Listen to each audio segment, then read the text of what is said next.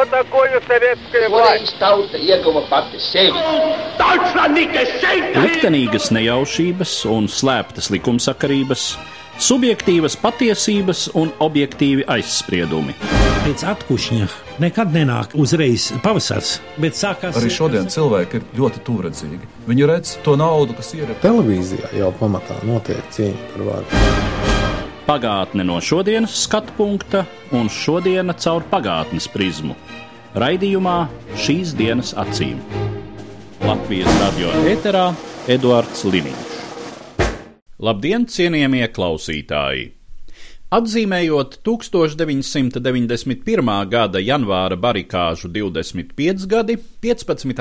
janvārī notika Latvijas Zinātņu akadēmijas un 1991. gada barikāžu muzeja rīkotā konference Barikādes pilsoniskā pretestība prettautiskai varai un tās mācības. Ar pamatziņojumu Barikādes Latvijā Eiropas kontekstā konferencē uzstājās Princetonas Universitātes Starptautisko un Reģionālo studiju institūta direktors, vēsturnieks Marks Beisingers. Viņa zinātniskā darbība veltīta tautas kustību, masu mobilizācijas, pilsoniskās pretestības jautājumiem, taiskaitā Padomju Savienības sabrukuma problemātikai. Vispirms piedāvāju jūsu uzmanībai daļu no profesora Marka Beisingera priekšlasījuma. So, in my book on the collapse of the Soviet Union, I refer to this period as a period of thickened history.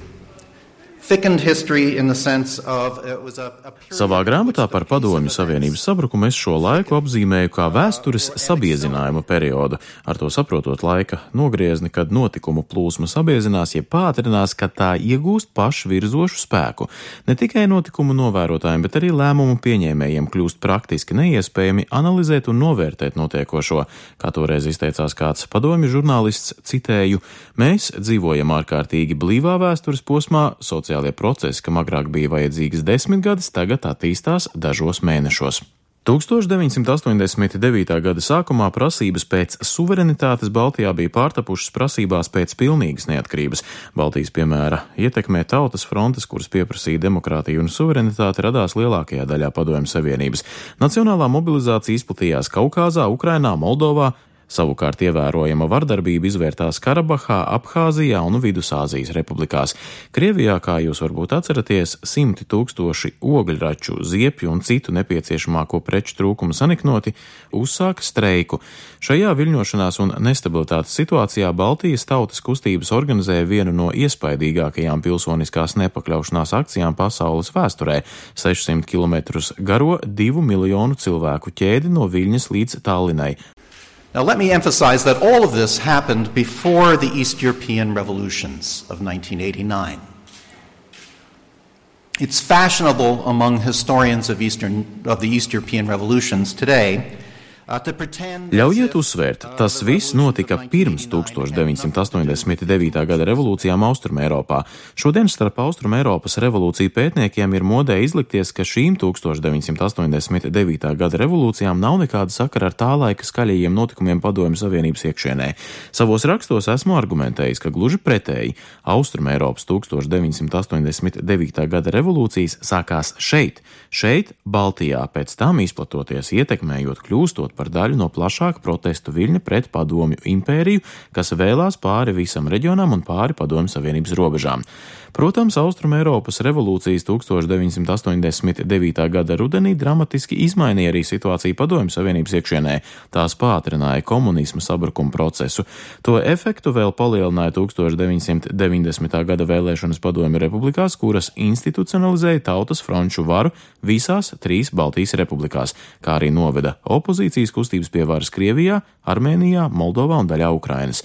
By fall 1990, the liberal wing of the Communist Party had exited. The parade of 1990. gada rudenī kompartijas liberālais spārns bija pametis partiju, suverenitāšu parādi bija atņēmusi lielāko daļu centrālās varas funkciju, padomju ekonomika bija sabrukuma stāvoklī, un sarunas starp Gorbačovu un Jeļcinu bija pilnīgi izgāzušās, nespējot vienoties par ekonomikas reformēšanu. Sabiedriskās domas aptauja, kas tika veikta 1990. gada decembrī, atklāja, ka 27% padomju pilsoņu uzskatīja Padomju Savienības sabrukumu par nenovēršamu, nevis iespējamu, bet nenovēršamu. Vēl deviņi mēneši bija palikuši līdz 1991. gada augusta pučam un faktiskajam Padomju Savienības sabrukumam. Tātad ir skaidrs, ka Padomju Savienības pastāvēšanas uztvere 1991. gada notikumu priekšvakarā lielā mērā liecināja ticība Padomju valsts nākotnē strauji gaist. Šai laikā Gorbačovs sāka nosvērties partijas centrālajai nomenklatūrai tuvākā pozīcijā. Viņš bija secinājis, ka vienīgais veids, kā novērst Padomju Savienības sabrukumu, ir novērst Baltijas valstu izstāšanos, un ka kontrole ir jāatjauno, ieviešot karastāvokli. Attiecīgi centrālā valdība tika reorganizēta, varas centram tika pietuvināti daudzi no tiem, kuri īstenoja 91. gada janvāra bruņotās akcijas Baltijā un 91. gada augusta puču. Kā zināms, protestējot pret to, 1990. gada decembrī atkāpās padomju ārlietu ministrs Eduards Ševarnādze. Okay, this brings us to the events of January 1991 themselves. I'm not going to delve into any great detail, but let me just make a few observations. Līdz ar to esam nonākuši līdz 1991. gada janvāra notikumiem. Es neiedziļināšos detaļās, ļaujiet man vien sniegt dažus vērojumus. Maskavas mēģinājums atjaunot kontroli Baltijā bija viens no diviem mēģinājumiem saturēt Padomju Savienību kopā ar spēku, vienīgajā veidā, kā to tobrīd vispār varēja saturēt kopā. Galvenie notikumi risinājās Lietuvā un Latvijā, bet tā, protams, bija visas Baltijas krīze un daudzējādā ziņā viss savienības krīze. Pietiek kaut vai iedomāties, kas notiktu Latvijā un Igaunijā, ja Maskavai būtu izdevies iegūt kontroli pār Viļņu, vai kas notiktu Viļņā, ja Maskavai būtu izdevies iegūt kontroli pār Rīgu. Pastāvēja izpratne, ka šīs krīzes no paša sākuma ir cieši saistītas. 1991. gada janvārs nozīmēja pārbaudījumu ne tikai Baltijas valdībām, bet arī jaunievēlētajām valdībām Krievijā, Ukrainā, Moldovā, Gruzijā un Armēnijā. Notikumi Lietuvā un Latvijā 1991. gada janvārī risinājās pēc visumā identiskiem scenārijiem. Krīze bija jārada, jo nekādas krīzes pašas par sevi tobrīd Baltijā nebija. Tās tika veidotas līdzīgā ceļā, kas norādīja uz Maskavā valdošo birokrātisko mentalitāti. Ja jau var plānot visas ekonomikas attīstību, tad krīzi izplānot jau nu noteikti var. Tieši tas arī notika Maskavā. Abās republikās tika ieviesta mākslīgā krīze. Lietuvā cenu kāpums tika izmantots par iegānstu, lai mobilizētu demonstrācijām vietējos krievus un poļus, kuri pieprasīja valdības atkāpšanos un centās ieņemt parlamentu. Pēc tam tika pasludināts, ka republika kļuvusi nekontrolējama, ka tā ir ieslīgusi haosā, kas prasa ārkārtas stāvokļa ieviešanu. Tika nodibināta sabiedrības glābšanas komiteja un izsludināts ārkārtas stāvoklis. Latvijā 1991. gada decembrī notika noslēpumainu sprādzienu virkne, kurus sarīkoja padomju armija, mēģinot radīt iespaidu, ka situācija ir kļuvusi nekontrolējama. Interfronte organizēja demonstrācijas, nesekmīgi mēģinot sagrabt parlamentu ēku un tika nodibināta sabiedrības glābšanas komiteja, kas arī izvirzīja prasību ieviest ārkārtas stāvokli.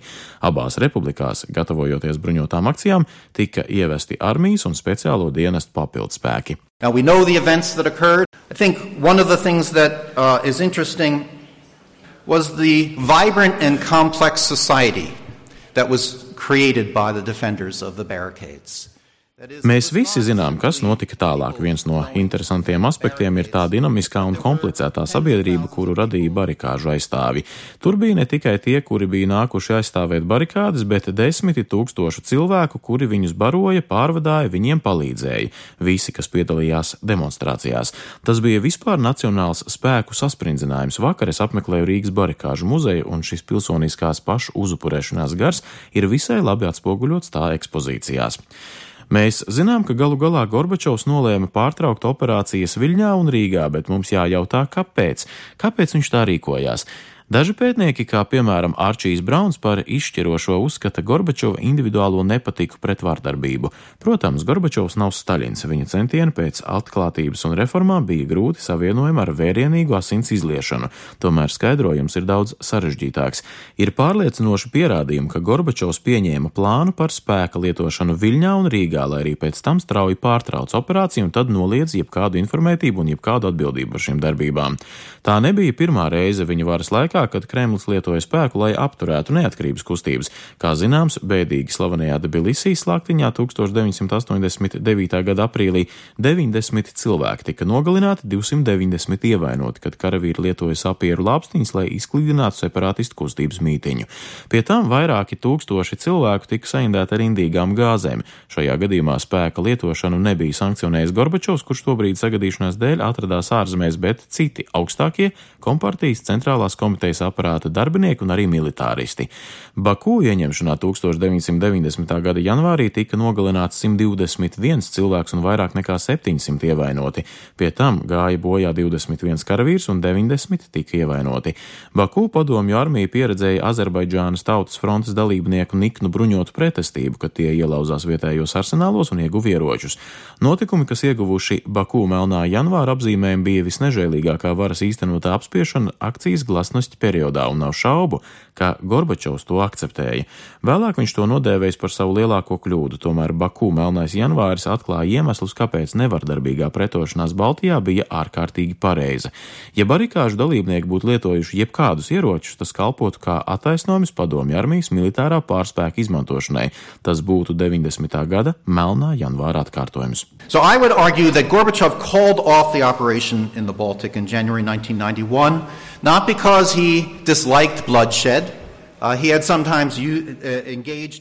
Es uzskatu, ka Gorbačovs pārtrauca operāciju Baltijā 1991. gada janvārī ne tāpēc, ka viņam personiski nebūtu pieņemama asins izliešana, pirms tam viņš bija vairāk kārt veicis asiņainas akcijas, bet gan tāpēc, ka viņam bija bīstama sabiedrības reakcija uz šādu asins izliešanu, kas sekotu kā ārvalstīs, tā arī Krievijā. Ja salīdzinām sabiedrības reakciju uz bruņotajām akcijām Azerbaidžānā un Baltijā, tad 1990. gada sākumā Ļeņingradā tika veikta sabiedrības viedokļa aptauja, un 56% no aptaujātajiem uzskatīja, ka bija nepieciešams izmantot armijas spēkus, lai apspiestu pret padomju sacelšanos Azerbaidžānā. Tikai 26% tam nepiekrita. Gadu vēlāk Ļeņingradā tika veikta tāda pati aptauja par 91. gada notikumiem Baltijā. Tikai 14% ļeņingradiešu uzskatīja, ka armijas spēku lietošana Baltijas republiku noturēšanai PSRS sastāvā bijusi attaisnojama, un 77% pauda noliedzošu attieksmi pret šādām darbībām. Krievi ne tikai neaizstāvēja šādu varmācīgu apspiešanu, viņi pauda atklātu noliegumu. Viņi iesaistījās protesta demonstrācijās nedēļās pēc bruņotajām akcijām Baltijā, visā Padomju Savienībā, Krievijā, Ukrainā, Moldovā, Gruzijā notika pavisam 64 demonstrācijas.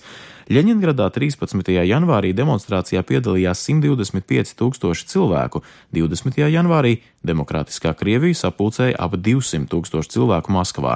1991. gada janvāra notikuma rezultātā Jeļcins izteica mājienus, ka Krievijai varbūt vajadzētu veidot pašai savu armiju, lai aizsargātos pret Kremli. Viņš, kā zināms, izdeva kopīgu paziņojumu ar Latvijas, Lietuvas un Igaunijas līderiem, savstarpēji atzīstot suverenitāti un paužot gatavību sniegt konkrētu atbalstu, ja šai suverenitātei draudētu kādas briesmas. Tas viss lika Gorbačovam un viņa konservatīvajiem sabiedrotiem saprast, ka viņiem neizdosies veiksmīgi varmācīgas apspiešanas akcija Baltijā pirms tam nepadzenot no varas Jeļcina, ka varas sadalījums padomju savienībā padara ļoti grūti īstenojumu kontrolas sagrābšanu vienā ierobežotā teritorijā, jo sagrābjot kontroli tur, tiek aktivizēta opozīcija citviet. Tas ievadīja nozīmīgu pretstāvi starp Krievijas valdību un konservatīviem komunistiem, kuri kontrolēja Gorbačova valdību. Tādējādi notikumi Baltijā 1991. Gada janvārī tālāk konsolidēja starpnāciju fronti pret padomju varu un apgrūtināja režīmam spēka lietošanu katrā konkrētajā kontekstā.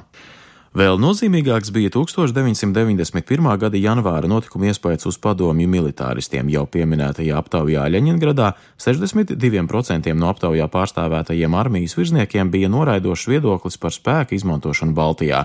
Tas ir pārsteidzošs skaitlis, kas liecina par ļoti zemu atbalstu bruņotajām akcijām pašā armijā. Tātad 1991. gada janvāra notikumiem bija ārkārtīgi liela nozīme padomju savienības sabrukšanā. Tie bija daļa saistītu mobilizējošu procesu ķēdē visā Padomju Savienībā. Ja tie nebūtu bijuši sekmīgi, arī turpmākā mobilizēšanās nenotiktu. So let me turn now to what lessons we learn uh, about successful civil resistance from the barricades incident. Civil resistance is a tactic that populations Tagad atļaujiet pievērsties tām mācībām, kuras barikāžu notikumi sniedz par sekmīgu pilsonisko pretošanos. Pilsoniskā pretošanās ir taktika, kuru piekopja iedzīvotāji, kad sastopas ar militāru pārspēku. Protams, nav ne mazāko šaubu, ka no militārā viedokļa padomju arminieki, ja vien gribējuši spēt ieņemt Latvijas augstākās padomas ēku, viņi varētu izlausties cauri barikādēm ar tankiem, varētu sagādāt paši savus buldozerus un citu tehniku un aizvākt visus tos transporta līdzekļus un betonu blokus, kas bija viņiem ceļā. Ar visu to atjautību, ar kādu jūs veidojāt aizsprostus no visa, kas bija pie rokas, un ar visu to drosmi, ar kādu jūs sargājāt sargājāt Latvijas barikādes, nav nekādu šaubu, ka padomju spēki tiktu cauri barikādēm, ja vien viņi izlemtu veikt attiecīgu uzbrukumu un būtu gatavi baisai asins izliešanai. Bet šie apstākļi mums arī ļauj izprast pilsoniskās pretošanās taktikas būtību, to, kā patiesībā darbojās un kādam mērķim kalpoja barikādes, vai tās patiešām bija domātas aizsardzībai. Pilsoniskā pretošanās ir efektīva ne tādēļ, ka tā būtu pārāka militāra taktika, drīzāk tās efektivitāti nosaka spēja iedarbināt agresoram sajūtams svirs. Tā liek agresoram maksāt pārāk dārgu cenu par uzvarai nepieciešamā spēka lietošanu, taču, lai pretošanās būtu efektīva, ir jābūt pieejamām šīm svirām.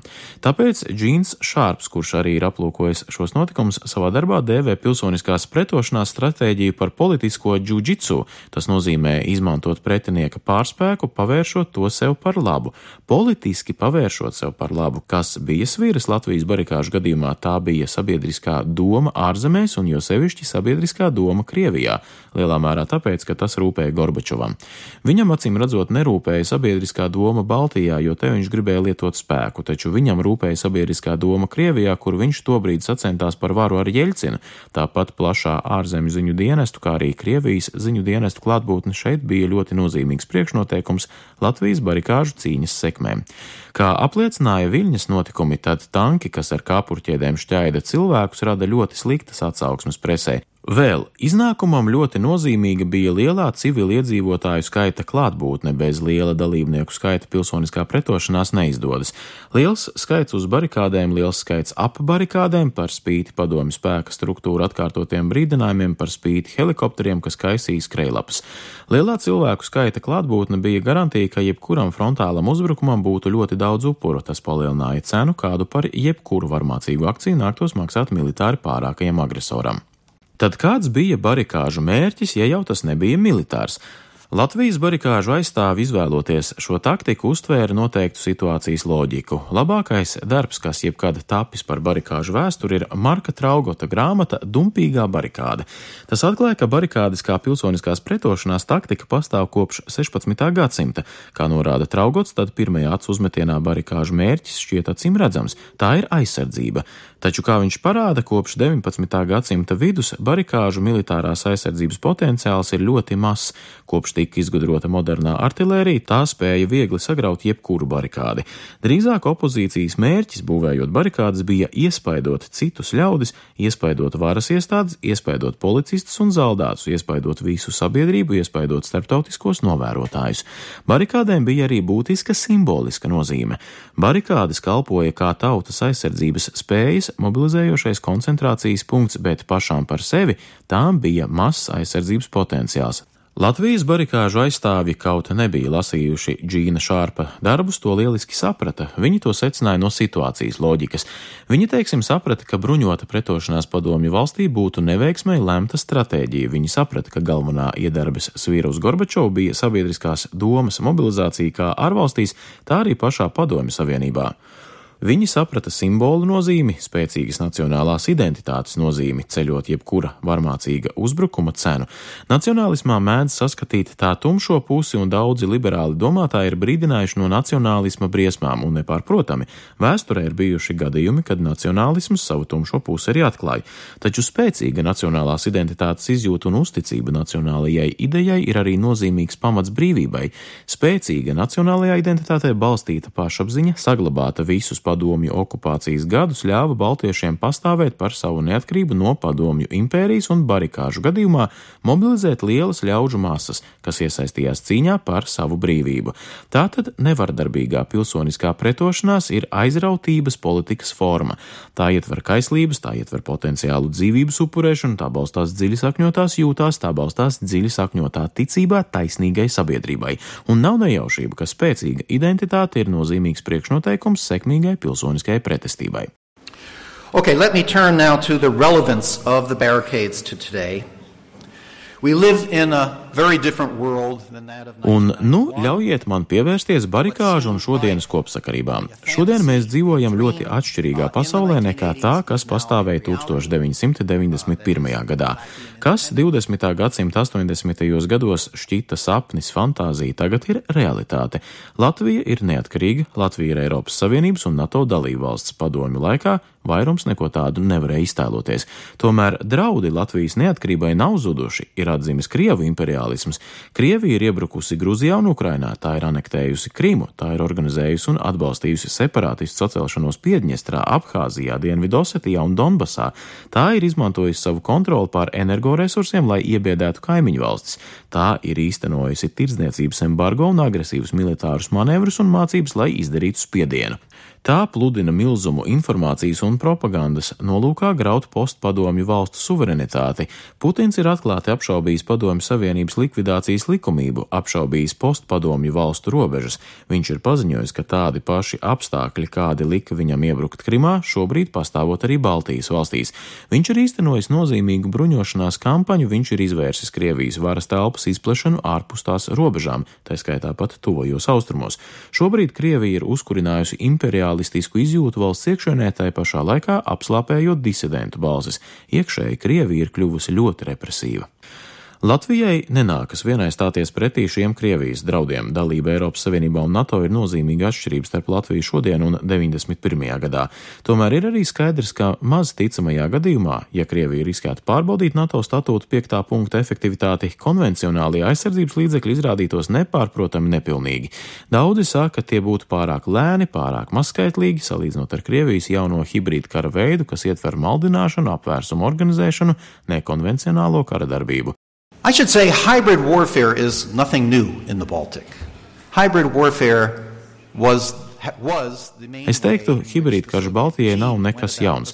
Hibrīdkarš vienmēr ir bijis galvenais paņēmiens, kā padomju režīms ir panācis kontroli pār cilvēkiem. Tā nav jauna taktika. Latvija jau ir piedzīvojusi agrīnos hibrīdkara paņēmienus laikā, kad notika pirmais padomju iebrukums 1940. gadā un kad maldināšana, dezinformācija un apvērsuma mēģinājumi tika izmantot 91. gadā. Teorētiski pilsoniskā pretošanās var būt efektīvs veids, kā paaugstināt cenu dažām hibrīd kara formām, kuras Krievija varētu mēģināt likt lietā Latvijā. Tomēr ir arī daži jautājumi. Vai sastopoties ar draudiem šodien, latvieši būs gatavi tādai pat vienotībai un disciplīnai, kādu izrādīja 1991. gadā, vai Latvija ir gatava organizatoriski un loģistiski vadīt savus iedzīvotājus tāpat, kā tas notika 91. gadā, vai Krievija neīstenos teritoriju atšķelšanu, izveidojot kādu neatkarīgu republiku, jo tieši šādu stratēģiju tā ir īstenojis visur citur. Tas var apgrūtināt pilsoniskās pretošanas stratēģiju izmantošanu, un vai iespējams iedarboties uz Putinu ar tām pašām pašām svirām, ar kurām varēja iedarboties uz Gorbačovu 1991. gada janvārī, Putins ir citas sugas politiķis nekā Gorbačovs. Viņš ir daudz represīvāks, daudz kas viņam lielā mērā nerūp, ko viņš demonstrē iebrukot Krimā. Ar to visu es negribu teikt, ka pilsoniskā pretošanās šodien pretēji 91. gadam būtu nesekmīga, bet es gribu teikt, ka, lai sekmīgi īstenot politiskā džudžitsu operāciju, nepieciešami ir noteikti apstākļi, un ir vērts apsvērt un pārdomāt šos apstākļus, ja nu nelaimīgā kārtā pie šādiem paņēmieniem nāktos ķerties. And it's worth contemplating and thinking through those circumstances uh, in the event, in the unfortunate event, that they would have to be used. Pēc uzstāšanās aicināju profesoru Marku Beisingeru uz īsu interviju. Mans pirmais jautājums bija par 1991. gada janvāra barikāžu ietekmi uz citiem līdzīgiem procesiem, kas notikuši vēlāk. Sure, I think it had a, an enormous effect. Uh, it showed uh, the successful um, defense of people power uh, and what it could do. Uh, certainly, in the case of the color revolutions. Tam, protams, bija milzīga ietekme. Šie notikumi parādīja tautas paša aizsardzības spēku un ko ar to var panākt. Tam noteikti bija liela ietekme uz tās augtajām krāsainajām revolūcijām, kad tās notika. Cilvēki bija iepazinušies ar šo tēmu, bija tapusi nozīmīga literatūra par pilsonisko pretestību, kurā bija aplūkot arī Baltijas notikumi. Es domāju, šajienes notikumus cilvēki visā pasaulē pēta, lai saprastu, kā var sekmīgi pretoties militāram pārspēkam. Vai var teikt, ka šeit ir tikusi izstrādāta noteikta revolūcijas metodoloģija un tehnika? I don't think it was only developed here, but it was part of it's part of a larger story. Es negribu teikt, ka tā ir tikusi izstrādāta tieši šeit. Šajienas notikumi ir daļa no plašāka sižeta. Pirmais notikums, kas attiecas uz šo jēdzienu, ir tautas varas revolūcija Filipīnās 1986. gadā. Tā lika daudziem saprast to lomu, kāda var būt lielām cilvēku masām politikā, sevišķi aizstāvoties pret despotisku režīmu. Šim piemēram bija loma arī Padomju Savienības sabrukumā, savukārt PSRS sabrukums un Austrumēropas revolūcijas, Samta revolūcija Čehoslovākijā Vācijā, Austrumvācijas revolūcija bija ļoti nozīmīgi piemēri, kas iespaidoja cilvēkus visā pasaulē. 1991. gada janvāra barikādas Latvijā ir nozīmīgs piemērs, bet viens no vairākiem piemēriem. Savā priekšlasījumā jūs minējāt vēstures sabiezinājuma nojēgumu. Kādos apstākļos šāda vēstures situācija iestājas? There's very unusual circumstances. Uh, it occurs uh, when many issues are pent up, and you have a repressive government that opens up. Uh, Tie ir ļoti neierasti apstākļi. Tas notiek, kad pastāv daudzas savstarpēji saistītas problēmas un kad represīva valdība kļūst atvērtāka. Ļaudis steidzas aizpildīt šo varas vakumu. Sākotnēji viņi nav droši par to, cik tālu drīkst iet. Viņi pārbauda robežas, bet šī robežu pārbaudīšana noved pie ļoti straujas daudzu barjeru krišanas. Notikumi attīstās tik strauji, ka paši cilvēki ir pārsteigti. Tā notiek vairumā politisko revolūciju gadījumu. Dažas ir tik straujas, ka jūs pat īsti nevarat runāt par vēstures sabiezinājumu. Tās notiek dienas vai divu laikā. Manis piesauktā vēstures sabiezinājuma jēdzienu attiecina arī uz arābu pavasari, uz krāsainajām revolūcijām, taču to var tikpat labi attiecināt uz daudzām agrākām vēstures situācijām. Piemēram, uz Krievijas revolūciju 1917. gadā, kas sākās kā demokrātiska revolūcija, bet noveda pie bolševiku diktatūras, un neviens to brīdi nevarēja paredzēt šo notikumu attīstību. Šādos sabiezinātās vēstures periodos notikumi iegūst paši savu virzības spēku. Notikumi paši nosaka procesa attīstību un jūs nevarat paredzēt iznākumu. Padomju Savienības sabrukuma gadījumā 1987. gada janvārī ļaudis to nevarēja pat iztēloties, tas šķita neiespējami. 91. gada janvārī daudziem tas šķita neizbēgami. Sabiezinātā vēsture ir tā, kas panāk šo kustību no neiespējamības uz nenovēršamību. Jūs minējāt arī toreizējos aptauju datus, kas apliecināja liela skaita Krievijas iedzīvotāju nepiekrišanu militārā spēka lietošanai, varmācībai. Šodien mēs pieredzam pavisam citādu Krieviju. Kas ir noticis ar šo sabiedrību? Well, first, what happened was a disillusionment with the transformations of the 1990s, uh, which brought about a reaction Vispirms notika vilšanās 90. gadu pārmaiņās, reakcija uz ekonomiskajām pārmaiņām, uz politiku. Radās ilgas pēc kārtības, ilgas pēc zaudētā Krievijas status pasaulē. Putinam izdevās to izmantot. Tagad viņa varas stingrākais pīlārs ir tautas mobilizācija nolūkā atjaunot Krievijas superlielvalsts spožumu. Bija brīdis 90. gadu sākumā, kad viss Krievijā varēja notikt citādi. Tās līderi lielā mērā izgāza šo valsti un rezultātā Krievija kļuva par ļoti korumpētu, vāju centralizētu valsti, un putinisms bija reakcija uz to. Vēsturnieki nelabprāt spekulē par nākotnes attīstību, bet tomēr Cik ilglaicīga jūsuprāt ir pašreizējā Krievijas sabiedrības situācija? How stable is the Putin regime? Yeah. Uh, it looks very stable. Uh, it's able to manufacture support uh, through propaganda, uh, in particular.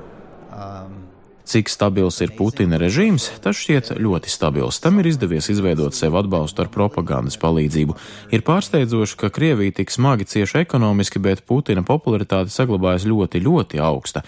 Iemesls ir kontrole. Pirmām kārtām pār televīziju un spēja mobilizēt cilvēkus ar savu nacionālistisko vēstījumu.